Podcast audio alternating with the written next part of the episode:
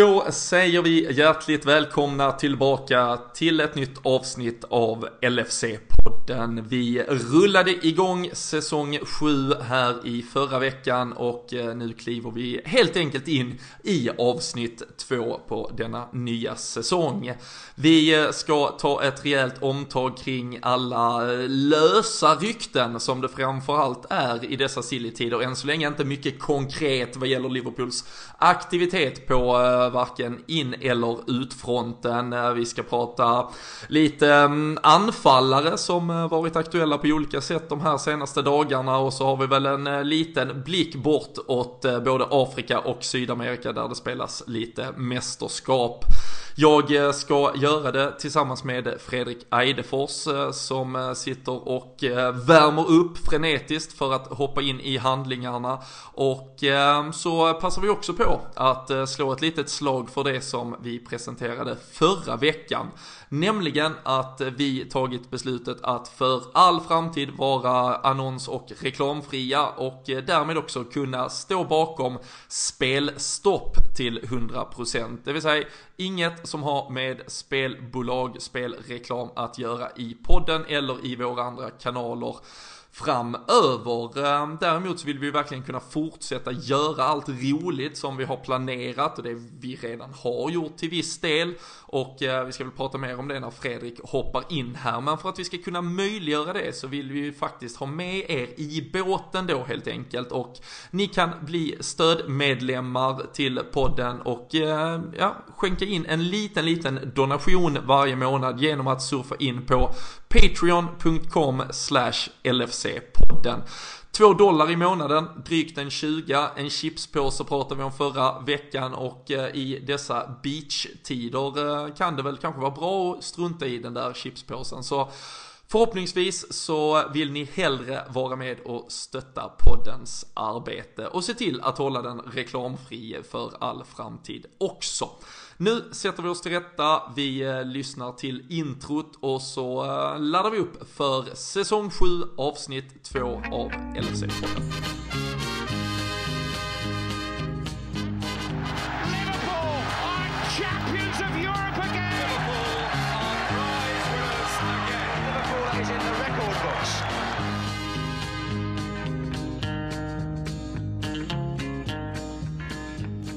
Jajamensan, eh, avsnitt eh, 2, säsong 7 är igång Fredrik. Eh, du eh, vilade senast men nu är du uppe på hästen och ja, det är ju vi helt enkelt har suttit här nu. Det blir ju, vad blir det, ja, sjunde sommaren vi drar igång med poddande om Liverpool. Det, det, det är ju skoj det här. 14 transferfönster. Ah, så ser jag det snarare. Ah. När det luktar, luktar silly season då, då, då träder jag fram i min grotta likt Michael Bublé på, på vintern när det är dags för julsånger. så det, är, det är ungefär jag kan man säga. Vet du, eh, minns du några så här speciella eh, highs and lows i våra tankar och analyser kring spelare vi ville ha och inte fick och så vidare? Det var ju mycket ja. Diego Costa och Henrik Mkhitaryan första ja. sommaren vi drog igång i alla fall.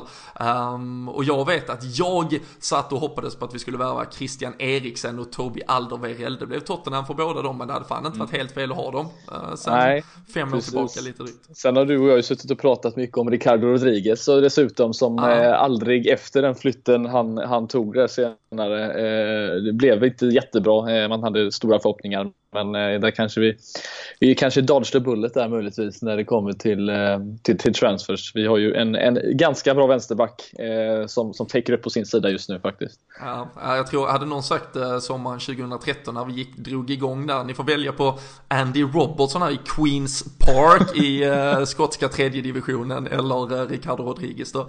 Då hade vi nog inte suttit med facit direkt, men det är ju det som är det fantastiska. Det finns ju såklart både kvalitet Uh, och så finns det också potential att uh, vara ute och leta efter. Um, andra höjdpunkter har ju varit när vi breakade Victor Valdes eller satt och väntade på bomben Gonzalo Higuain. ja, oh, herregud. Nej, får får, du får ta på dig den faktiskt, den tänker inte jag stå för. Vilken, är det någon spelare du kan reflektera över i, i efterhand också där du känt att fan, hade vi bara värvat han så hade vi blivit så jävla bra och sen att vi kanske ändå slapp undan med nöd och näppe? Ja, vete tusan. Nu satt jag och, jag satt och tänkte på brassen som jag totalt glömt namnet på från... Åh, oh, Teixeira. Tack så mycket. Eh, som man verkligen säger meltdown över att det blev aldrig av. Allting var färdigt känns det som och så blev det aldrig av och sen stack vi till Kina eller vad det var. Ja. Man har inte hört någonting sen dess. Så det, det var också en sån situation man kände att det var den lilla pusselbiten som kanske hade gett oss någonting lilla extra. Men eh, nu sitter vi här med sex eh, Champions League-titlar utan honom så det, det, det verkar ha gått bra ändå. Ja, eh, Jevgen Konoplyanka, oh, en annan spelare. Nej, det... Grejen med detta är att vi vet ju fortfarande inte om vi ska innan vi avslutar det att hur, hur det hade gått för dem om de hade kommit till Liverpool. Alltså det, det är ju det är ju valen, eller dit de gick senare, som har förändrat deras liv kanske på det sättet, deras karriärer. Men tänk om de hade gått till Liverpool, så man vet ju aldrig. Nej, livet blir alltid bättre när man uh, går till Liverpool. Så um, mm. nej, men nej, det är som sagt 14 uh, eh, fönster, uh, sju säsonger. Det är, det är verkligen en, en långkörare och det är ju fantastiskt när man hör från lyssnare som varit med från starten. Det, det har blivit en, nästan en institution Eh, i eh, Liverpool-samhället där ute i Sverige och eh, Podden Away som vi har planerat här inför denna säsongen är som sagt redan fullbokade nu. Båda resorna vi åker till höst och ser Liverpool-Brighton, till våren sen påskhelgen. Liverpool, Aston Villa och äh, det är ju så jävla häftigt med det gensvaret vi får från alla där hemma och äh, i början av augusti Fredrik då äh, är det du som öppnar famnen och äh, tar oss till Göteborg och ska visa upp Sveriges framsida med oh. Community Shield match final mot Manchester City på Olivedal med lite livepodd. Ja, nej, det ska bli riktigt kul att se Liverpool lyfta, vad var det Daniel sa, lyfta tallriken i skyn eh, mm. förra gången. det är väl precis hur det ser ut också visserligen. Men, eh, nej, men det ska bli, ska bli riktigt kul faktiskt. Och eh, få, få, återigen, det är alltid kul när vi har podden away och, och träffa andra som man normalt sett kanske aldrig har träffat eller sådana man har pratat med på Twitter eller eh, folk som bara lyssnar generellt. Och det är alltid kul att få eh, ja, träffa dem i verkligheten också och det ska bli kul att se en stormatch dessutom som det kommer att bli även fast det är då en ja, vad vi ska kalla det, den där, den där titeln egentligen. Men eh, det är ändå mellan två fruktansvärt bra lag, kanske de bästa lagen i Europa den här säsongen. Så det, det ska bli riktigt kul faktiskt. Ja, och känner man eh, Jürgen Klopp och eh, Pep Guardiola rätt där så även om det då kan anses vara någon form av eh, lyxig träningsmatch så tror jag ingen av dem kommer att eh, ta allt för lätt på den utan eh, det, jag tror den kan sätta tonen för säsongen och därmed eh, blir eh, den nog lite extra kryddad i förhållande till hur de här matcherna kan vara.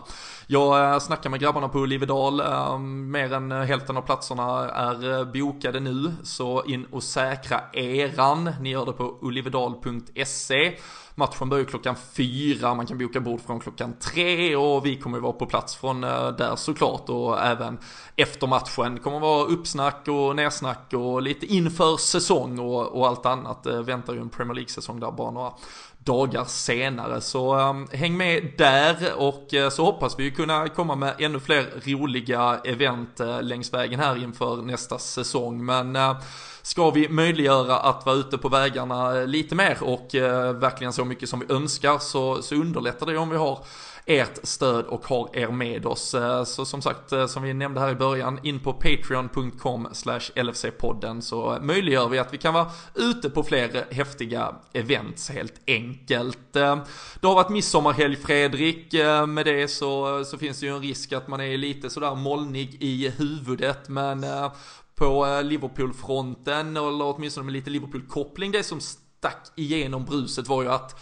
Fernando Torres, den gamle hjälten, mm. nu förkunnar att han lägger eh, skorna på hyllan eh, i slutet här av sommaren. Och eh, han lämnar ju verkligen med, jag höll på att säga blandade känslor, det hade nästan varit snällt, det var fullständig raseri, men med lite distans till eh, den där januaridagen eh, 2011. Vad, vad, vad, tar vi med oss från eh, Fernando Torres och framförallt hans Liverpool-karriär när den nu blir ett avslut och en stängd bok om några månader. Ja, men det är ju en, eh, det är en sån där förälskelse man hade. Liksom. Det är inte många Liverpool-spelare man, man hade såna känslor för. Och som sagt, han, läm, han lämnade Liverpool när, när Liverpool inte kanske var i sina bästa dagar. Eh, hur, hur, den klubben sköttes och hur, hur vi mådde i slutändan. Men han, han var ju tvungen att, att, gå vidare någonstans för att vinna. Jag menar, det var i hans prime som han eh, var i Liverpool och eh, som sagt kom aldrig riktigt, riktigt nära någonsin egentligen. Ja, en gång kanske 08-09 men det var som sagt eh, ändå inte tillräckligt nära. Och, eh, ja, det, det slutade lite för tidigt kan man ju tycka fortfarande. Jag vet inte hur gammal är han? Han är född 80... 84. 4, ja, ja, precis. Så att, eh, kunnat säkerligen spela några år till om det inte hade varit för skadorna likt Daniel Sturridge som vi säkerligen kommer lägga på skorna lika tidigt som han gör i slutändan. Men ja, man har ju varit med så mycket med Torres och han gav oss eh, fina minnen eh, och eh, sen avgöranden, fina mål, alltihop egentligen. Så att, eh, en fantastisk spelare i, när han var som bäst och, och kolla på både i spanska landslaget men, eh, men även för Liverpool. Jag, Nej, jag, jag, var inte, jag kommer ihåg att jag var arg, men jag, jag var mer arg på Liverpool än vad jag var på honom i slutändan om jag vill minnas rätt i alla fall. Jag vet inte hur, hur du kommer ihåg känslan kring honom? Ja men det var alltså Fernando Torres var ju, alltså det, det är allt, jag tror väl för alla i vår generation så är det någonstans att Steven Gerrard var ettan och det var ju någonstans för att det var så det bara skulle vara. Det var liksom facit att han var den man älskade och, och sen var det egentligen inget att ifrågasätta kring det men, men den som egentligen var liksom idoldyrkan för mig. Alltså den här man, alltså, ja, om man, om man nu hade varit i åldern att bara fylla rummet med posters och köpa tryckta tröjor och så vidare så, så var ju det Fernando Torres och eh, han var väl den första som jag liksom kände var superstjärna i ett Liverpool mm. som då, alltså ut, utanför den här Steven Gerrard och Jamie Carragher boxen där, där de blir ett eget segment. Och eh, det var ju extremt tungt för man hade ju känt efter 2009 så att vi, vi var så otroligt nära. Sen allt som följde där. Det var alltså en ägarsituation som var ohållbar. Eh, en Rafa Benitez som, alltså, som är på sitt säregna sätt. Och det var ju såklart hela den här utdragna och seglivade historien kring hur han ville ersätta Xabi Alonso med en Garrett Barry och så vidare. Och sen när man kände att det föll en efter en där och Fernando Torres kanske ändå var, han kanske ändå hade blivit våran så pass mycket att han inte skulle ha hjärta att göra det.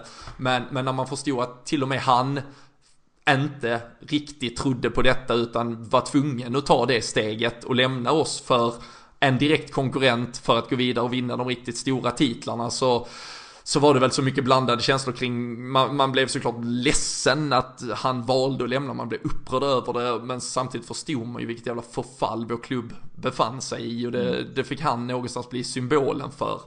Sen tittar man, jag satt och skrev med, med några, faktiskt Peter eh, som var med på vår podden Away-resa i, um, här förra året och skrev med han på Twitter att Tittar man nu i, eh, liksom så här, i backspegeln däremot så är det kanske en av de bästa affärerna vi någonsin gör. Alltså vi dubblar nästan, vi sålde honom för nästan dubbelt så mycket som vi köpte honom för.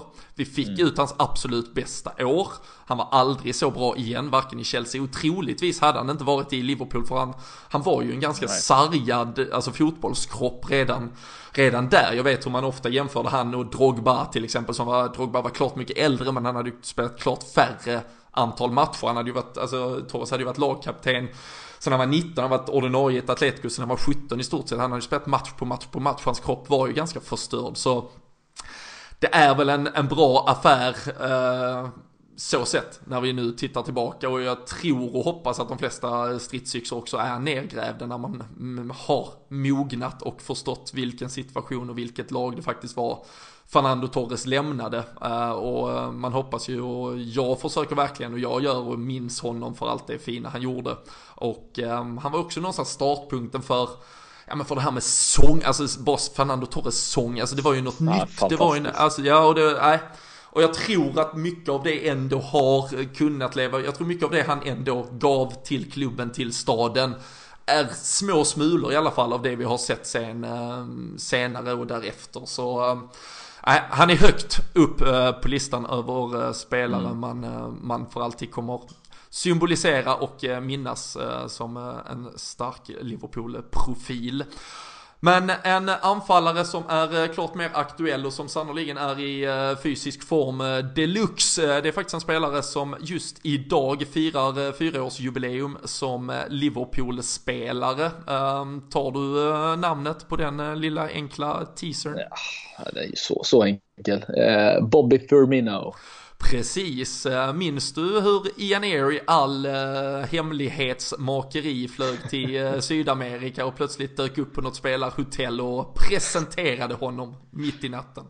Ja, jag tror ju han främst var där för, för att partaja och så lyckades han klämma in den emellan där tror jag. Det, det, det står jag fast med. Men det var, det var ett lyck, en lyckad kupp får vi ändå säga att få, få hem honom. Det var det var väl eh, United som var väldigt intresserade av honom under, under den perioden men gick väl på en Depay istället. Eh, om jag inte är helt ute och cyklar. Och det, det blev ju bra till, för oss till slut. Nu har han, eh, tycker bara det är konstigt att sitta och känna att han har varit här i fyra år. Mm. Herregud, tiden går riktigt snabbt. Det är väl egentligen det enda jag kan, kan känna. Men eh, ja, nu med de här fyra åren då bakom sig får man ändå säga att eh, vilket, vilket köp det har varit och vilken vad han liksom kom in direkt och, och förändrade oss. Ja, kanske inte exakt direkt. Han var väl lite felplacerad ibland eh, och inte fick eh, kanske spela exakt det han hade tänkt. Men eh, det som det har lett till i alla fall. Vilken, vilken fantastisk spelare får vi ändå säga. Det är, finns bara återigen goda minnen med honom och hans no-look mål. Det är fantastisk fotbollsspelare. Ja, om jag minns rätt så tror jag premiären där säsongen han hade kommit mot Stoke borta så började han och Jordan I på varsin kant med Christian ja. Benteke längst fram. Det, det var det, Christian Benteke kom ju samma sommar, några veckor senare. Det var han som skulle vara egentligen målskytten, nian, liksom den som skulle styra vårt anfallsspel och så skulle Firmino vara någon form av rivjärn i, i omgivningen där. Det, det förändrade Klopp kan man väl säga, när han kom in sen ett par månader mm. senare. Ja, men det var, och, och jag, han känner, vet ju honom, jag känner till honom sen tidigare, sen Tyskland tid eller ja, Bundesliga också, så att jag tror att han hade koll lite på hur han skulle göra med honom och jag, jag, jag, jag kan ju tycka att, att man såg en förändring så fort Klopp kom in återigen. Eh, att, att det blev en annan typ av anfallsfotboll. Han var verkligen navet i det här anfallsspelet som han fortfarande är idag. Eh, men det kanske är lite mer fokus på en Mané och Salah idag än vad det var Eh, vad, vad det var runt, runt honom då i alla fall. Men eh, nej, det är en sån spelare som, som de flesta lagen hade behövt ha egentligen. Och eh, kommer ihåg, och inte om det var förra säsongen, han ledde eh, statistiken egentligen i all, all typ av allt man kan leda egentligen i form av eh, vunna tacklingar, eh, minst tappade bollar, alltså alltihop mer eller mindre. Han var en, en fantastisk allroundspelare och eh, ja, honom får vi hålla hårt i eh, tills eh, något lag eh, kanske börjar eh, nafsa efter honom.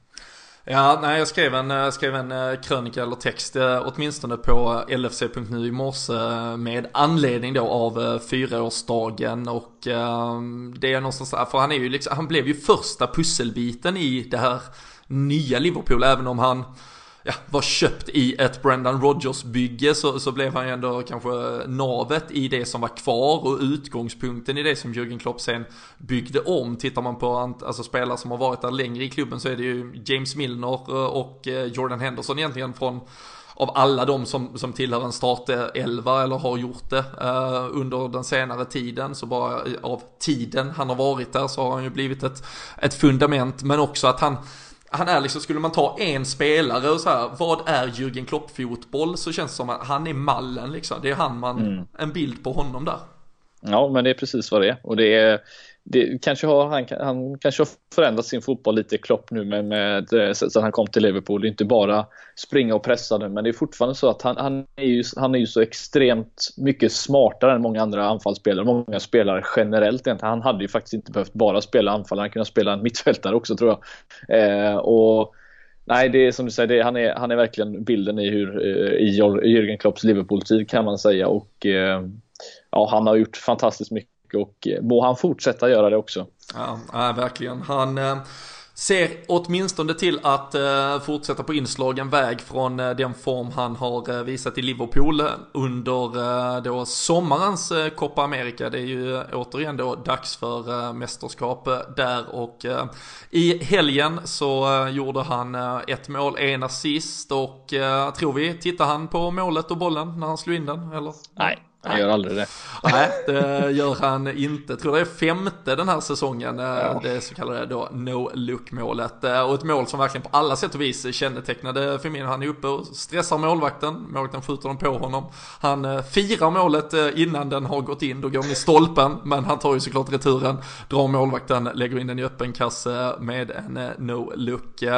Även en assist lite senare och sen fick Gabriel Jesus kliva fram och slå en straff, men då missade han och det kan man ju ändå glädjas lite åt i eh, sammanhanget. Men eh, nej, äh, Firmino leder ju annars då offensiven för Brasilien. Nu har man ju petat till förmån just för Jesus där i nummer 9-rollen under VM förra året. Så det hade väl också varit en revansch för honom om han nu leder Brasilien till guld på hemmaplan i eh, årets eh, koppa. Eh, även Allison från start och han har hållit nollan alla tre eh, gruppspelsmatcher. Jag tror det är sju raka tävlingsmatcher nu. Mm. Det är Salomon Rondon eh, i, vad kan det ha varit, 60 minuten för Newcastle som var ja. Senast att uh, göra mål för, uh, på honom. Så uh, det är en igenspikad butik där och annars har du sett någonting från uh, Koppa. Det är ju även afrikanska mästerskap, det är U21, det är dam-VM, det är fan, det är inte så att man kan ligga och lata sig här, alltså det är fotboll ja. som man ska beta av. Nej, nej, men jag har faktiskt inte hunnit eh, kolla så, så jättemycket. Jag, var, varje, eller, varje sommar, så, eller varje gång det är fotboll så sitter man alltid och tycker det är kul att kolla kolla visserligen Copa America för det finns fantastiskt roliga eh, lirare med där och så sitter man alltid och förvånas över hur dålig Argentina är varje sommar också, eller varje, varje år. Och det, kanske man ska sluta eh, förvånas över nu för tiden. Men, eh, men det är kul, kul att se lite Liverpool-spelare såklart eh, eh spela i, eh, i viktiga matcher och eh, Copa America. Det är alltid roligt flow i de eh, matcherna. Det kan hända vad som helst där. Så det kommer nog bli lite Brasilien och framöver här också. Ja, men det, man, man har fått sortera lite när det har varit så här många gruppspel. Ju, alltså om man tar på, på herrfronten då så har det ju varit både U21 EM gruppspel och så då Copa America gruppspelet här och sen inleddes ju då det afrikanska mästerskapet och deras gruppspel inleddes i, i fredags med Salas Egypten som var först ut. Eh, han spelade ju från start men Noterades inte för målet i eh, 1-0-vinsten. men eh, de går såklart för guldet där. Vi kan ju bara notera att Sadio Mané var avstängd för Senegal i deras första match. Två gula från kvalspelet där inför, men lär ju vara en väldigt viktig pjäs i deras jakt på guldet. Och så um, Naby Keita med, med lite skadeproblem här i slutet av säsongen. Han kom ändå in för Guinea nu.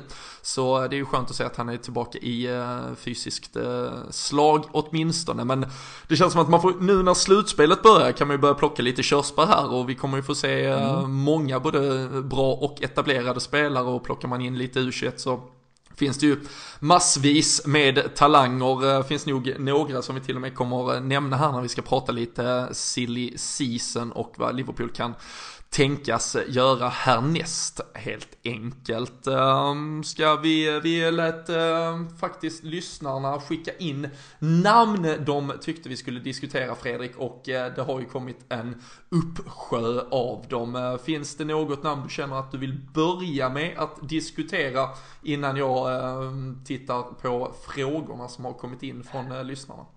Ja, men jag tror att vi kanske ska börja med, eh, med den som jag tror eh, kommer, det som kommer dras ut kanske längst under sommaren här. Eh, och det är väl Bruno Fernandes som de flesta lagen egentligen har har ögonen på tror jag, eh, efter, framförallt efter den säsongen han har, han har haft här nu i, i både i, i, eh, i portugisiska ligan men även spelat i Nations League och sånt där. Han har varit med och spelat nu, men framförallt i, i portugisiska ligan där han eh, stått för 20 mål och 13 assist på 33 matcher som en mittfältare, vilket är helt bisarrt egentligen. Men, eh, nej, men det, det, det, där är ju en, en sån där spelare som vi har, vi har ju suttit och pratat om det här att få, få lite poäng från mittfältarna och det där är rätt många poäng Robin faktiskt från en mittfältare. Eh, sen är det klart att han kanske inte hade gjort lika mycket i Liverpool. Eh, han inte, kanske inte hade varit den främsta frisparksskytten där eh, när vi har en Alexander Arnold. Och sen finns det tre stycken där framme som gärna petar in några bollar. Men det skadar ju inte att ha en spelare som en mittfältare som gör 13 assist och 20 mål som buffert ifall det skulle gå knackigt där framme för de tre. Och det är, som sagt, en, en spelare var han född 94, 24 år eh, i år, och vilket är den åldern vad man kan bygga på dessutom. Och som sagt, nästa gång han byter lag, ska man köpa honom därefter, då får vi prata över miljarden i slutändan. Eh, och då känns det ganska omöjligt. Och, inget Liverpool kanske gör, men ja, den, den, den, hoppas jag ju på om vi säger så. Det skulle ljuga om jag sa någonting annat. Mm. Om, vi, om vi börjar med att bara liksom eh, lo lokalisera eventuella, alltså eh, luckor är ju fel att säga i ett mm. Europamästarvinnande eh, lag. Men Bruno Fernandes får väl någonstans utan liknelser i övrigt klassas in som den här alltså, Coutinho-spelaren på ett mittfält, alltså som bidrar med en, en dimension till i ett tremanna mittfält som, som annars kanske har viss begränsning i offensiva kvaliteter på det vi, vi har sett under åtminstone andra halvan här av säsongen för Liverpools del. Um, är det där, alltså om du hade fått stå med den stora pengen på, är det den positionen ändå du hade tyckt att Liverpool ska börja med att titta på? Är det där klassköpet ska komma den här sommaren? Ja, jag, tycker, jag tycker faktiskt det. Och det, det är ju många lag som har eh, investerat i, eh, i, i den här typen av liksom, inflytelserika fotbollsspelare på planen när det kommer till att skapa poäng och liknande. Vi ser ju hur, en, hur Barcelona gick, eh, verkligen ville ha Frenkie de Jong till exempel som kanske inte är en poängmaskin men en mittfältsspelare som verkligen kan styra och ställa i spelet. Vi såg hur Real Madrid var tvungna att hämta in sin ytter i, i form av Hazard som gör jättestor skillnad. Och det, de, många behöver de här spelarna eh, även fast det kanske finns redan i laget sedan tidigare. Men jag tycker att vi saknar den lilla extra pusselbiten på mittfältet. För jag, jag ser gärna eh, att, att vi kanske ska dela på oss med, med Lalana inom kort här eh, som eh, går, han går upp mot 30-årsåldern och inte alls eh, särskilt frisk under varje säsong han spelar. Perfekt att få in en spelare som går in i startelvan och inte bara kanske ersätter på bänken. Och det är, det är precis vad han har gjort i det här fallet. Han har ju gått in och tagit en startplats. Eh, bredvid en, ja, säg en Keita Henderson eller om det är en, en Fabinho som sittande kanske. Det är perfekt att få in en sån spelare. Då har vi dessutom rätt bra med spelare som kan utmana från bänken i form av en Chamberlain eller om Milner ska leva kvar lite vidare också på mittfältet så, så finns det ändå någonting att hämta. Ja, Keita också då. Mm. Ja, där är, det, det är ju en upprad med så man får säga ja, både, både Keita, alltså dels på grund av sin eh, vacklande form och han letar väl lite mm. efter sig, både sig själv och sin roll i laget.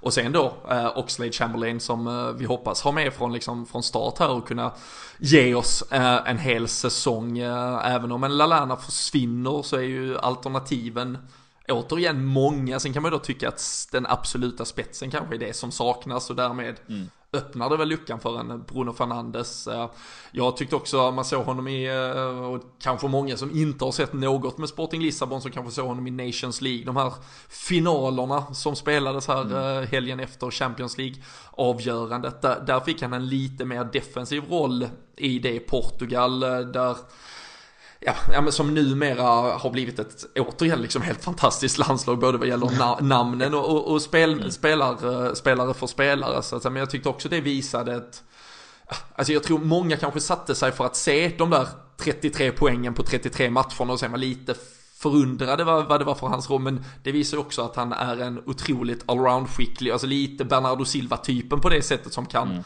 anpassa sig väldigt mycket utifrån vad laget behöver för stunden och det, det kan man ju också bara, det är ju liksom en box som tickar direkt när Jürgen Klopp eh, skannar marknaden liksom att du kan anpassa dig spelmässigt utifrån vad som behövs just idag av dig som spelare. Mm. Och jag tror att många av de spelarna som, som vi kanske kommer prata om idag men som även Klopp kanske potentiellt kikar på det är ju spelare som inte är liksom gjorda för en position. Alltså mm. vi, vi kollar ju de tre där framme exempelvis vi har nu. Alla de har ju spelat central anfallare någon gång under säsongen. Mané gick in och gjorde det fantastiskt mot, vilka var det, Watford, han gjorde två mål. Eh, sen har Salah spelat där framme. Alltså de kan, det, det, finns alltid liksom flexibilitet i de här spelarna och det är precis det vi behöver hämta in. Eh, vi kommer kanske inte alltid behöva spela 4-3-3 vissa matcher utan kanske blir någon annan typ av uppställning eh, beroende på vilket lag vi möter. Och då är det ju skönt att kunna veta att, säg en Bruno Fernandes hade lika gärna kunnat spela bakom en toppstriker eller som två stycken i ett sittande mittfält. Det finns alltid möjligheter åtminstone. Och det, jag tror det är där vi behöver få in en, eh, en extra liten, eh, liten stjärna och det är precis vad han är. Det är mm hade varit fantastiskt att få in honom. Mm. Sen eh, så här, pers personlig del jag, jag någonstans gillar i hans, uh, om vi tittar, alltså vad, vad, han redan har gjort, det är att han faktiskt har varit ute en gång, uh, alltså i om man säger, proffslivet, uh, alltså med mm. tanke på att han är portugis. Han var ju i Italien, gjort drygt ett hundratal matcher både för Udinese och Sampdoria. Inte för att det stack ut och var något fantastiskt, men att man har gjort den vändan. Jag tror när han kliver ut nästa gång så vet han allting som eventuellt gick fel, allt som eventuellt var bra, vad man tar med sig in i, i nästa steg. Inte för att han då har spelat Premier League, men han har ändå gjort resan, tagit steget. Och eh, det tror jag kan förenkla lite i att du kommer rakt in i en ny miljö och vet hur du ska hantera den. Eh, kontra att man kanske hade plockat en 19-20-åring eh, som, som gör sitt första, liksom tar sitt första steg eh, i karriären. Så, eh, ja men en otroligt spännande spelare såklart. Eh, jag såg här, jag tror det var igår kväll, eh, LFC Daytripper Podcast. Eh, vi eh, ger väl ingen värdering i hur goda källorna är, men det är ju såklart ändå en en, en podcast och ett pla en plattform eh, med drygt 50-60 tusen följare på Twitter eh, som eh, i, i regel och med, med lång erfarenhet har varit ganska seriös och de rapporterar ju ändå att det finns ett väldigt stort intresse. De rapporterar att Bruno Fernandes själv ska vara tydlig med att om av de alternativen som finns på bordet så är han mest intresserad av Liverpool. Man ska vara överens med agent och så vidare och det är nu i klubbarna som i så fall förhandlar. Så vi får väl se vad som händer där. Men eh, kanske den spelaren som eh, redan har nämnt, mm, nämnts mest och eh, troligtvis den som det kommer fortsätta surra som en tid eh, framöver här. Ehm, vi eh, fick eh, tillsammans där med Bruno Fernandes hade vi en eh, lyssnare, Henry Holmgren som eh, just la upp han som förslag, men även Timo Werner. Och eh, Timo Werner är ju också en spelare, Fredrik, som eh, nämns av många såklart och som har nämnts i sammanhang vad gäller Liverpool. Han har ett år kvar på kontraktet med Leipzig. Vi har ju såklart en erfarenhet i att göra affärer med läskedrycksklubben och eh, Naby Keita hämtade vi ju som sagt förra sommaren efter att ha gjort en deal på förhand. Eh, men som spelare, enkelt eh, sett, eh, hade Timo Werner kunnat vara något för Liverpool? Eller är det ett namn vi bara plockat upp ur hatten för att alla andra boxar tickas här vad gäller att hans kontrakt snart går ut och lite tysk koppling och så vidare? det, det, är nog, det finns nog någonting i det som du säger visserligen men han tycker ju också som sagt in på de här delarna att, att han är väldigt flexibel och kan spela på, på alla de tre positionerna där framme vilket gör det också då till, en, till ett naturligt sätt att kika på honom eh, utöver då de första delarna. Men ja, ja. Alltså jag, jag, kan ju säga, jag, nu, nu, kanske, nu kanske jag svär här alltså, men jag har aldrig sett Timo Werners storhet. Nej, Nej, och, det, och jag, jag, jag, köper det du säger också för att det, det här är ju en, en, spelare som, alltså han lever ju väldigt mycket på sin snabbhet för det första eh, och jag tycker inte att han, han kanske har de andra del attributerna som jag hade önskat i, i de till framme i, i formen av att man har det där lilla extra. De kan avgöra, de kan slå sin gubbe på ett helt annat sätt. Eh, vi kommer att prata om ett annat alternativ senare som definitivt har de här grejerna men som kanske inte har kanske slått igenom eh, än så länge då i, i de stora delarna. Men eh, nej, jag, jag tackar nog nej faktiskt på Werner. Jag ser hellre att vi, vi hämtar in eh, någon som kan eh, som har det lilla extra. Eh, och ja, jag kan väl lika gärna säga, jag tänker på en Nicola Pepe exempelvis som mm. har pratats rätt mycket om också. Där mer en sån spelare som faktiskt som har det där ja, kunna bli en liksom, riktigt stor stjärna i slutändan. Det hade jag ju hellre sett. Eh, visserligen kommer han kosta troligtvis tre gånger mer än vad Werner hade kostat. Men eh, tyskarna verkar ju uppenbarligen antingen inte ha de har inget emot att låta de här spelarna gå gratis inom, inom, eh, inom, sin, inom Bundesliga verkar det som. Så jag vet inte riktigt hur, hur det kommer sluta där. Men eh, nej, jag är inte riktigt ett lika stort fan som, eh, som många kanske är av honom heller. Likt som du inte är då. Nej, nej precis. Eh, Nicolas Popé, nu, nu nämner du honom eh, själv. Eh, ja. Han är ju också en spelare, det är många som har nämnt honom i vårt kommentarsfält. Det är ju en spelare som också kanske då tillsammans med Bruno Fernandes har varit eh, det namn som ändå har synts eh, mest eh, frenetiskt. Så väl även att Inter har väl gett sig in i den jakten. De ska göra ett litet nybygge nu under ledning av Antonio Conte.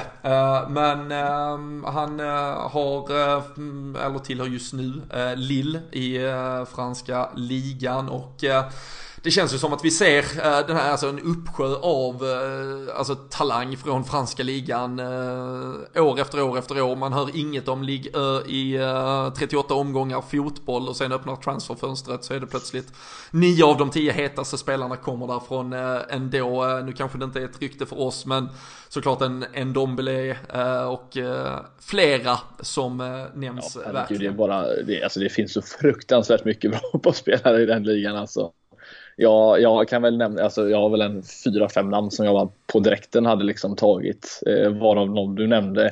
Hassem Aouar exempelvis, eh, mm. mittfältaren som är med i Han var inte så jävla bra mot England tyckte jag. Nej, det, det, ibland är det som sagt, eh, han, han, har varit bättre i Lyon. Ja. Eh, har man sett Champions League så vet man, har man nog sett honom briljera lite där också. Ja. Nej men alltså det, det, det, finns fruktansvärt mycket, mycket bra fotbollsspelare där som sagt. Men de blir, de blir ju inte gratis heller. Och de förstår ju också att det går att ta betalt för de här spelarna. Men Ja, nej, det, han, eh, han, har ju, han har ju det här lilla extra som, som jag nämnde. Det, det får man ändå säga för de som har sett honom spela. Det är en, en riktig magiker på många sätt och vis och en magisk vänsterfot som han gillar att gå in från högerkanten. Eh, där har vi visserligen en som också gillar att göra det men eh, det finns ju alltid, det är alltid bra alternativ som vi, som vi sa förut. Mm. För man, man ska väl kanske, och det är ju ganska viktigt, eh, alltså vi, man pratar ju ofta om då en, eh, till exempel en spelare på den här nivån som är alltså dels pengamässigt och namnmässigt och så vidare, alltså lönemässigt hade han ju också gått in då som en en, en ordinarie spelare, alltså en, eh, en spelare som såklart ska spela en betydande roll. Uh, hade det varit uh, sån här gammal Fifa-transfer hade man sagt att han var ovärderlig för klubben eller, eller någonting. men, men man måste ju komma ihåg att har vi fyra spelare som vi anser vara ovärderliga och som vi tycker ska få spela hur mycket som helst på de där tre positionerna så kommer alla antagligen ändå få göra typ 33 matcher var per säsong med tanke på Champions League och, mm. och liga och så vidare, till och med 35. Och, alltså det, det är ju väldigt många starter som ska fördelas på, låt säga att vi ska spela 50 matcher, där är tre platser, det är 150 delat på, alltså då är det nästan ändå 40 matcher mm. var. Så, så man kanske ska, det kanske, det känns lite förlegat den här synen att just, varför ska vi värva PP för han ska ju spela på Salas position till exempel, eller vad han nu ska spela i den där offensiven. Mm. Men, men det, måste, det är väl en lyx vi numera faktiskt måste börja kosta på oss om vi ska ta ytterligare nästa steg. Ja, ja absolut. Och det är klart att, eh, att eh, Bruno Fernandes exempelvis, han har väl troligtvis kunnat eh, förhandla sig fram med en, en betydligt bättre lön än vad Nicolas Pepe hade kunnat göra i slutändan. Men det är klart att vi pratar inte Salah-pengar i, i, i, lön om vi säger sådär, eller van Dijk-pengar i lön. Det, det, hade han ju inte fått direkt. Han hade kunnat jobba sig till. Vi har ju ändå hållit en, för att ty tycka, en relativt bra eh, struktur över, över det hela. Vissa kanske känner mer än andra som kanske inte borde göra det i slutändan. Men nu lämnar en Sturris exempelvis som har suttit på en, en ganska stor lön i slutändan. Hade vi släppt en Lalana någon gång så, så hade vi kunnat ersätta även det. Men det det, det, är ju någonstans där omkring de hade fått ligga i slutändan och jag menar vi, vi, vi, vi tidigare under när vi började podda så, så har vi sagt att vi kanske inte ska jämföra oss med City och de här när det kommer till grejer men det kanske vi delvis kan göra i slutändan. Jag menar vi, vi är ju där och nosar på dem över, över hela säsongen mer eller mindre och vad har de på bänken i sin bästa startelva? De har en, en Gabriel Jesus som är nästintill ordinarie. Ja, Precis, det finns ju sådana spelare där som håller en betydligt högre klass än vad de vi när kanske nämnde, ja, snäppet över i alla fall. Mm. Så att eh, absolut ska vi kunna, eh, ska vi kunna ja, göra det, denna typ av transfers för att eh, behålla den positionen vi ändå har. På tal om eh, PP här då som tillhör Lille, vet du vilka två spelare eh, från eh, med Liverpool-anknytning, en aktiv och en före detta som eh, vi kan koppla till Lille? Eh, ja, vi ska väl se vem den här andra spelaren är bara för jag vet vem, nu ska vi se vem den första är.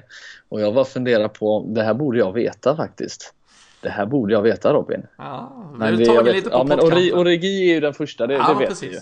Men Sen frågan är en uh, riktig uh, Roy Hodgson-legend som lånades ut för att få fart Ja, Joe Cole! Ja, precis. Där har vi den. Där Så vi den. jag tänker med tanke på att vi gav dem Joe Cole i sin absolut inte prime och att de fick låna tillbaka Divock Origi efter att vi hade värvat honom så kanske vi trots allt har lite uppsida i en eventuell färg. Jag vet inte fan i och för sig om Joe Cole är en fördel att vi har beblandat oss med det här tillsammans. det är plus minus noll tror jag där visserligen. Ja, det finns nog en risk. Men äh, det lär väl också bli en äh, långkörare här äh, denna sommaren. På tal om Divock Origi så ryktas det ju ganska blandat och spritt där direkt efter finalen så var det ju liksom, då basunerades ju ut att här skulle det jävlar i det skrivas långtidskontrakt och resa statyer och allt möjligt annat över honom. Men sen har ju liksom hypen någonstans lagt sig lite och eh, en klubb som eh, uppges ha gett sig in i jakten på honom är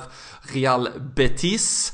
Och eh, det som kanske då gör det mest intressant är att det även har funnits ett rykte från Betis till Liverpool då i vänsterspringaren får man ju väl kanske klassificera honom som spelar både vänsterback, vänster wingback och kan även spela i en eh, lite mer offensiv eh, position. Junior Firpo som mm. också är och spelar U21-EM nu här. dock inte ordinarie tröja i det spanska laget som eh, försöker ta sig fram till ett guld. Men eh, om vi stannar vid den eventuellt eh, intågande spelaren där i så fall, Firpo. Vad ger det? Det är ju ändå en position också med tanke på du nämnde Alberto Moreno lämnar så att det ska fyllas mm. på kanske på den där vänsterkanten är ju troligt. Eh, var ju eh, en Lloyd Kelly tidigt här som valde Bournemouth istället, eh, som nämndes i sammanhanget. Eh, vad, eh, vad skulle vi ge det för sannolikhet och trolighet och tankar kring en eh, Firpo? Ja, alltså vi, vi pratar ju vad han värderas kring är du en halv miljard i slutändan, eh, vilket är, är mycket pengar för 200 miljoner för mindre än Aron Wan-Bissaka som gör självmål i 95. Ja, precis, visserligen. Eh, nej, men det är, alltså, det, man har ju suttit och tänkt på det här egentligen hela tiden, hur vi ska ersätta de här spelarna som, som lämnar. Och det är klart att ha en spelare som kan både spela vänsterback, eh, vänster yttermittfältare och vänstermittfältare beroende på hur man ser det. Eh, dessutom spelat eh, ja, jag vet det, mittback dessutom tycker jag är lite intressant att man kan eh, börja spela alla de positionerna. Men eh, ja, jag vet inte tusan om det, det känns inte som att Liverpool någonsin hade kunnat gå in och, och lägga så mycket pengar på de som inte hade varit garanterad att, att få spela så mycket eh, i slutändan. Eh, det, det, tror jag inte på. Sen är, det här är ju ungefär också situationen som om vi skulle prata om Ryan Sessegnon exempelvis som, som lite besitter samma egenskaper. Att han kan både spela vänsterback och vänsterytter egentligen men är kanske bättre offensivt än defensivt. Och, ja, det har ju svalnat lite snack kring honom men ett tag var det ju väldigt mycket snack så frågan är om det blir någon av de två eller hur det kommer bli eller tror du det blir någon, eh, någon lite äldre eh, gubbe som går in, eh, någon eh, typisk Chelsea-signing, du vet en sån 32-33-årig vänsterback som knappt får spela men som ändå är nöjd på bänken med de pengarna han tjänar. Tror du det blir något sånt eller tror du vi går efter någon ja, lite mer talangfull spelare? Nej men alltså vi, vi nämnde ju till exempel eh, förra veckan, eh, då pratade vi lite om både mittbackssituationen om en Dejan skulle lämna och det är delvis även vänsterbackspositionen i en till exempel då, eh, om, om han någonstans landar i den kategorin, en Toby Alderweireld för att mm. återkoppla till ett rykte vi hade redan 2013 som sagt när vi drog igång det här. Han har ju ett år kvar, han har ju en utköpsklausul nu i, i sitt kontrakt med Tottenham även om det kanske ser ut som att han ändå stannar där, men det finns ju fler av den varianten en spelare som kanske då kan spela, vara någon form av tredje, fjärde mittback och även vikariera på båda ytterbackskanterna. En, en Ragnar Klavan i, i plusmodell så att säga. Men, men annars är det såklart spännande både med Firpo och eh, John. Nu, nu fick ju inte Sessen John den här säsongen i Fulham. Nej. Det var ju också ett dysfunktionellt Fulham på alla sätt och vis. De, de hattade i vad de letade efter för spelstil. De hade ju tre olika tränare under säsongens gång. Först var det liksom all out attack och då släppte de in fem mål varje match. Och det var väldigt svårt att veta vem som egentligen var bra och dålig i det där, i det där laget faktiskt. Ehm, jag tyckte, på tal om U21, nu såg jag matchen England-Frankrike som sagt här i, i, i premiären där som visserligen eh, för, förstördes lite av ett rött kort som var så klantigt och idiotiskt och straffar eh, till höger och vänster av Leicester-spelaren Kudhuri, eh, eller hur man nu uttalar det efternamnet, det, det får de, där de tvistar de lärde, men där spelar ju Sesson John även högerytter i, i vissa eh, sekvenser, de växlar ganska mycket kant han och Demirai Gray. Um, och ja, men han är ju såklart superspännande. Uh, sen kommer han ju kosta också med tanke på det inhemska, att han är liksom en, mm. en, en, spelare som kvalificerar sig i, i kvoten och, och så vidare. Men att vi ändå ska hämta in en spelare med den typen av egenskaper, det, det hoppas jag och tror ändå. Eh, och kan, kan det vara en spelare som kan ge lite avlastning till exempel då åt en eh, Sadio Mané eller åt någon i den offensiva, ja, eh, tre, treenigheten där framme, så, så är det såklart en fördel för är inte Andy Robertson skadad uh, så kommer han ju inte bänga. Så det kommer inte vara en vänsterback där vi kommer, de kommer ju inte spela varannan match direkt. Utan det kommer ju vara en Nej. spelare som kommer stå, stå på tillväxt där och som helst ska ha en, en edge till i sig då. Om den ligger att de är otroligt offensiva eller att de är, exempelvis kan spela mittback. Uh, så är, alltså det, det kommer nog krävas för att uh, man ska ersätta. Där, där finns ju trots allt en täckning, nu får vi se vad som händer med Nathaniel Klein, men annars har vi ju då sett en Joe Gomez som kan vikariera till eh, Trent Alexander-Arnold på högerkanten. Så det är väl en vänsterback som har en egenskap till i sig vi kommer mm. att leta efter helt enkelt. Ja, och sen, sen kanske det ju faktiskt är så att vi sitter här om, om eh, i början av eller slutet av augusti eller vad det nu kan vara och, och det visar sig att James Milner är den spelaren som faktiskt ska vara backup. Det vet man inte heller om, om man faktiskt väljer att hitta en spelare som ska vara vänsterback eller om man liksom låter Milner vara den här backupen. Det vet vi inte heller. Eh, det skulle inte vara helt omöjligt egentligen istället för att lägga de pengarna på ja, en annan typ av spelare eh, där uppe i mittfältet, försvar eller ja, anfallet istället för att lägga på en vänsterback. Men eh, ja, det, den, det ska bli intressant att se. Jag hade ju jättegärna sett att vi hade haft, eh, fått in en sån typ av spelare oavsett för det är Eh, lämnar en så måste någon ersätta. Det är så jag brukar se det i alla fall mm. när det kommer till, till truppbredd i alla fall. Nej men absolut och det, där är du, du är inne på något väldigt, alltså hur, jag, jag tror ju att vi denna sommaren kommer se oss värva två eller tre väldigt hög, alltså någorlunda högkvalitativa mm. spelare. Jag tror inte vi kommer värva alltså fem eller sex eller sju spel. Det, Nej, det händer utan det kommer vara två, tre mål som Klopp vill ha. Och får vi två eller alla tre då tar vi alla. Men vi tar dem vi verkligen vill ha. Helt enkelt. Och sen så tror jag att han sätter truppen lite utifrån det helt enkelt. Är det att vi kan få in en, om vi nu har en super mittback vi tittar på och får in här, ja men då kanske Joe Gomez får acceptera att han är lite både högerback och mittback denna säsongen just och så vidare. Och på samma sätt så kan det vara, får vi då Bruno Fernandes, ja men då vet vi att James Milner kommer nog inte spela en enda match på det mittfältet kanske. Ja men då blir han vänsterbacksalternativet istället. För vi vet att vi har de kvaliteterna i truppen.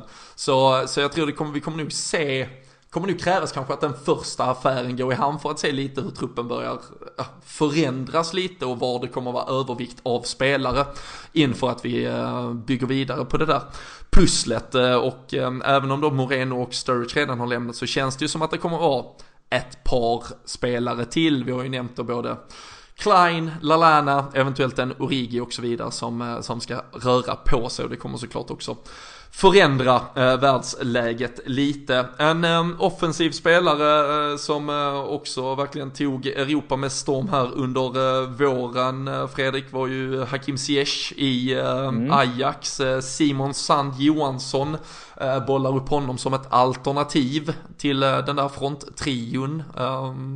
Skottglad herre. Man skulle alltid spela mm. överspel på att han skulle skjuta i, eh, i Champions League i alla fall. Jag tror han hade sådär 5-6 skott varje match.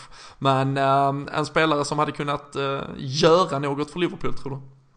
Eh, absolut hade han kunnat göra det. det eh, vi såg ju hur han eh, han var ju en sån som han tog för sig väldigt mycket och det, det gillar jag i fotbollsspelare som, som inte är rädda för att, lite lite den här man eh, mané-delen, att man liksom man, man, kör sitt eget race. Men visst, du är en lagspelare men, men du är inte rädd för att göra dina, det du är bra på i slutändan. Och han är precis den typen av spelare. Jag har väl visserligen suttit och tänkt ungefär sedan man började ja, få upp ögonen lite för det här Ajax under Champions League att eh, det där känns som att han kommer gå till spanska ligan i slutändan. Det, det, det luktar väldigt mycket åt det. Men självklart hade han eh, tillfört mycket eh, i, i, till Liverpool. Det, det, hade han ju gjort. Samma sak egentligen som att sitta och prata med Pepe här, att han hade gått in och fått starta en hel del matcher säkerligen eh, och, och, fått spela och komma in rätt mycket. Men eh, det, är, det är frågan om vi, vad det är för typ av anfallsspelare vi faktiskt är ute efter. Om det är den här tek tekniska yttermittfältaren, eh, wingen, eller om det är en, en toppstriker i slutändan. För det har inte pratats så mycket om det och visst Firmino som vi hyllade här i början av avsnittet, eh, vilket han ska också göras, men det har ju varit när, eh, att ja, han har ju haft lite tungt under vissa delar av säsongen när, han, när de andra visserligen då Mané och Salah har eh, gått på, på full fart. Så frågan är vad det är för typ av spelare som man faktiskt borde hämta in. Vad, känner du att det är en, den typen av yttermittfältare eller hade du hellre sett en eh, ja, en renodlad striker. Uh, nej, men det, det, det, är så otroligt svårt. Vi hade ju också, vi fick en fråga här liksom om ni hade behövt sälja någon av de där uh, tre, tre mm. längst fram. Vem hade ni helst uh, sålt? Och man, man kan ju liksom inte ens, man, man får ju panik bara man börjar tänka tanken. Man vill ju liksom aldrig att någon ska försvinna och man vill absolut inte att någon ska behöva vila en, en enda match egentligen även om vi har sett att det har löst sig ganska ofta. Vi har ju kunnat göra förändringar som har fått att, att fungera men, men det är väl ändå kanske alltså någon lite mer, alltså någon spelare med lite mer power hade jag nog tittat på att addera istället för att vi också då har möjligheten att gå upp till, alltså eller formera om till en 4-2-3 uppställning där man kan med skohorn klämma in hela den där fronttrion ändå och istället komplettera med, med en spelare till och äh, det är ju svårt, Ziyech också, alltså jag, det är inte spelaren jag hade velat gambla på nu, alltså det är ju, det är såklart det är nu man måste göra det om man ska få honom till ett mm. pris som är, som är vettigt. Men, men jag tycker inte heller att vi är i situationen nu där vi ska, där vi ska gambla på en spelare. Alltså som sagt hellre två spelare som kan gå rakt in i stort sett, uh, inte per alltså nödvändighet rakt in i startelvan men rakt in i, i hetluften när de behövs i den och, och ha liksom en end product och vara färdiga att leverera. Jag, jag, kan, jag tror inte uh, att uh, Ziyech går rakt in och liksom har 15 mål. Jag tror det kommer krävas lite framförallt taktiskt eh, i att liksom forma honom som fotbollsspelare för att han ska ta nästa steg. Eh, det är ju det är såklart väldigt lätt att bara gå till liksom hur, hur Ajax avslutade och hur de till slut faller mot, mot Tottenham. Men det är ju såklart, det var ett bygge som gick otroligt mycket på den här frediga offensiven. Eh, det var okej okay att vara ganska naiv i sitt beslutsfattande. Jag, jag tror det straffar sig över liksom en lång säsong i ett ligaspel där där du inte har råd att missa någon. Alltså man ska också komma ihåg mm. att Ajax, alltså med nöd och näppe i stort sett vann ligan hemma i, alltså de var ju inte, de, de plöjde ju inte över allt där utan de hade verkligen ups and downs där också och det kommer inte Liverpool ha råd med och någon spelare som ska tillhöra Liverpool. Så, så jag tror väl inte att Ziyech är, är spelaren som gör skillnad Nej. för oss egentligen. Nej, nej, men det känns som att eh, trenden som Liverpool gör nu det är ju afrikanska fotbollsspelare så att då är ju Nicolas Pepe den, den naturliga spelaren att gå in och hämta. Det, då har vi ett helt afrikanskt anfall, en anfallsuppsättning om Firmino skulle vara skadad. Det, det gillar vi. Ja, det finns väl en, eh, eh med tanke på en eh, ålderstigen eh, Aubameyang som inte riktigt kanske, även om man gör sina mål, inte kommer upp i så finns det väl en man hade väl kanske kunnat argumentera för att vi skulle ha Afrikas fyra bästa fotbollsspelare i uh, truppen i så fall. Vi har väl uh, ja. uh, tre av fem tror jag det var när det prisades senast i alla fall. Så, och PP lär ju fortsätta ta, ta kliv i sin utveckling. Annars den mest segdragna historien från förra året var ju såklart Nabil Fekir. Johan Andersson tog upp hans namn för att bara rub it in och strö lite salt i såren från från den gången, men nämner också eh, Kai Havertz eh, som ett mm. alternativ där och det vet jag en spelare du gillar. Ja, jag älskar tyska fotbollsspelare. Eh, nej men Kai Havertz är ju också en sån del som vi säger att oavsett hur det blir med Bruno Fernandes, det ser jag ju som ett fantastiskt bra alternativ. Även han har ju stått för för en hel del poäng. Vad gjorde han? 17 mål eller något sånt där i Bundesliga den här säsongen eh, som mittfältare. Mm. Och eh, även om kanske Julian Brandt stal mycket av rubrikerna i slutändan som fick sin flytt så sett så tycker jag att eh, Kai Havertz är, är, är fortfarande en bättre fotbollsspelare fotbollsspelare än vad han är och kommer att bli en bättre fotbollsspelare om, man inte, om inte någon håller med mig redan idag. Eh, och perfekt eh, spelare att ha egentligen bakom ett anfall, eh, ja, bakom en anfallare eller ha i ett tremannamittfält. Han hade jag ju jättegärna sett om det inte hade blivit en eh, än Bruno Fernandes. Han eh, har visserligen kontrakt ganska länge fram till 2022 så att det kommer inte återigen bli gratis att hämta in honom heller. Men som sagt, skulle vi börja eh, ställa lite frågor till Leverkusen och eh, se vad vi kan erbjuda så tror jag inte att de har kunnat säga nej i slutändan. De eh,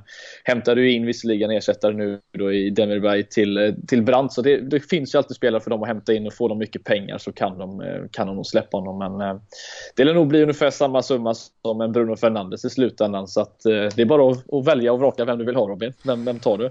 Ja, nej men där, där finns väl, det, jag, jag tror nog till och med att eh, Kai Havertz kan bli, kan bli ännu dyrare. Alltså vi får komma ihåg, han har, mm. han, han, har nyss fyllt 20 år, alltså han är född 99, han är 19 år eh, och gör en säsong i Bundesliga som är på absolut eh, toppnivå. Alltså 17 mål på 34 matcher. Det, det är ju siffror som är, som mm. är sanslösa från, från den positionen han liksom har spelat sin fotboll från och det är ju liksom inte dåliga spelare. Han äh, nämns ju liksom som den nya Michael Ballack eller jämförelser med Tony Kroos äh, och, och, så vidare och kanske, men alltså i det rent fotbollskunskapsmässiga. Sen har han en annan typ av spelstil, men det är ju verkligen Tysklands fältherre hoppas de ju på för, för väldigt, väldigt många år framöver. Jag tror det kan bli ännu dyrare kanske än Bruno Fernandes och där köper man väl ännu mer då potential som nog mm. är högre än Bruno Fernandes. Men, men återigen att eh, kanske Fernandes kan gå in och vara li, lite mer, alltså, om man säger solid och trygg och anpassningsbar redan, redan under de första säsongen. Men det är ju en otrolig höjd i, i Havert som jag inte tror man kan,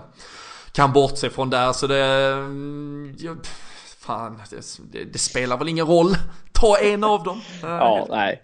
Nej, men det, det, det är intressant. Det, det, finns som sagt, eh, det kommer nog hända, eh, hända en hel del under den här sommaren. Det, det är jag tror att det är som, som jag nämnde där förut med att eh, många spelare som, eh, många mittfältare eller ja, poängskickliga mittfältare som, som eh, på marknaden kommer vara intressant för många lag. Det är många som hade behövt dem i slutändan. Det ska bli kul att se, eller kul och kul, det ska bli intressant snarare när det kommer till våra konkurrenter, se lite vad de gör.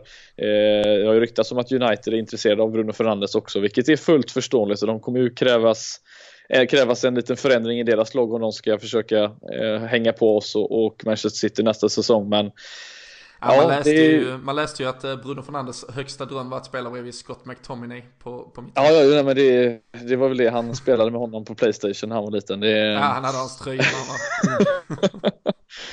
Ja, nej, jag vet inte, på, på, jag måste bara säga en grej, jag vet, det kanske är fel i den här podden vi ska prata om, men det som United har gjort den här sommaren som hämtat in, vad heter han, Daniel James hette han va? Precis. Nej, vet han? Ja. Får du inte lite känslan av hur, hur, det var när vi, alltså när Brendan Rodgers-aktigt Liverpool, får du inte den känslan? Alltså jag efter 13-14? Ja, jag tror, jag tror väl jag kallade Liverpool anno 2011-2012 ja, förra också. Typ, Kenny ja. Dalglish skulle dammsuga. Typ så. Ja, ännu bättre för beskrivning marknaden faktiskt. Ja. På, så, um, nej och sen som sagt så ska de väl betala ungefär en och en halv miljard nu för uh, Issa Diop och Aaron Wan-Bissaka. Det hade ju varit fantastiskt kul om de uh, gjorde det. det blir ju spännande att se vad det kan, kan ge dem på sig. Och så förlänger de kontrakten med Ashley Young och Juan Mata senast ut här också. Det är ung och lovande spansk bolltrollare där. Så det, nej, det, vi ska väl absolut inte kasta sten och skratta och, och ha det kul här. Men, men det känns bra att veta att Liverpool är i ett förarsäte och vi inte står och faller fullständigt. Man ser ju alltid på Twitter och det hör ju detta silly season fönster till med liksom folk som Vad fan har vi inte värvat någon än? Vad händer? Vad händer? Vad händer? Och sen så här, alltså, vi vann Champions League för tre veckor sedan. Vi, vi är liksom helt okej. Okay. Sen vill vi alla ta nästa steg och det är jag helt mm. övertygad om att vi, vi kommer att göra. Men som sagt, jag tror inte man ska förvänta sig att det liksom strömmar in en spelare varje vecka här utan det, det kommer att vara Nej. troligtvis två, eventuellt tre spelare som ganska omgående ska gå in och höja kvaliteten i vårt, vårt lag helt enkelt. Och eh, då kommer det nog vara ganska segdragna förhandlingar kring de här spelarna. Och jag tror även då att ja, säljande klubb kommer förstå att eh, det här är spelaren Liverpool vill ha. Man har sett det de senaste åren med hur vi liksom väljer van Dijk, hur vi plockar Allison, hur vi tog tiden med att vänta på en Keita och så vidare. Så Så det är ganska tydligt att eh, det, det ska liksom passa schablonen här för att det ska bli värvning och eh, så får vi väl som eh, man numera hade kunnat göra. Man kan ju lämna sina barn och allt möjligt till Michael Edwards. Man kan ju lita på honom till, till fullo. Att han eh, löser någonting bra helt enkelt. Ehm, de här spelarna vi nu har nämnt, eh, Fredrik, om du bara får just göra två värvningar eh, prismässigt behöver du inte tänka någonting alls för där har eh, FSG löst så att checkhäftet ligger fritt. Men mm. baserat på de vi har nämnt här i dagens avsnitt, vilka två spelare värvar du in då som du tror kan ge liksom Liverpool det där sista edgen och uspen för att faktiskt utmana Manchester City om guldet kommande säsong? Ja, men då, då säger jag Bruno Fernandes och eh, Nicolas Pepe. Då tycker jag att det blir våra eh, samstämmiga eh, spelare som, som vi tar med oss från dagens avsnitt och det är ju spelarna som också har surrats mest aktivt eh, kring. Eh, även om eh, Kylian Mbappé gärna vill in i mixen. Vi skojade ja. lite om det förra veckan och nu lyckades han ju även slänga ut där någon liten intervju där han blev tillfrågad vilket lag han helst var när han spelade Fifa och då sa han ju att han var Liverpool, de är ju trots allt Europamästare. Så ja, flörten fortsätter från den gode Kilian och det uppskattar vi såklart men vi, vi har så många bra så vi behöver ju inte honom Fredrik. Nej, precis. Så, så är det med den saken. Eh, vill eh, ni eh, träffa oss och komma och hänga i Fredriks hemtrakter så är vi som sagt på Olivedal i Göteborg den 4 augusti. Vi kollar Community Shield-finalen mot Manchester City. Vi ser till att säsongen får en flygande start och så snackar vi gött inför och efter och under och allt möjligt. Dricker en och annan öl kanske också. Det brukar gå hand i hand. Men surfa in på olivedal.se i så fall. Eh, podden Away gäller i höst och vår eh, tyvärr slutsålda nu. Men håll utkik. Eh, det kommer säkert komma information ganska tidigt nu då denna gången till hur man kan föranmäla sig inför nästa säsong. Och tycker ni att det vi gör är bra och trevligt, förgyller det dagarna, så gå jättegärna in på patreon.com LFC-podden. Sätt av två dollar i månaden så kan vi fortsätta sticka ut på vägarna, kanske komma till just din stad och hitta på något. Vi får ofta förfrågningar men det, det, kostar liksom lite pengar att, eh, att släppa runt eh, hela det här poddgänget eh, vad gäller transporter och hotell om sånt behövs. Så alla möjliga små donationer vi kan få är vi jättetacksamma för. Med de orden stänger vi igen avsnitt två på säsong 7. Vi önskar er en fortsatt härlig sommardag förhoppningsvis så här i slutet av juni och tack för att ni har lyssnat.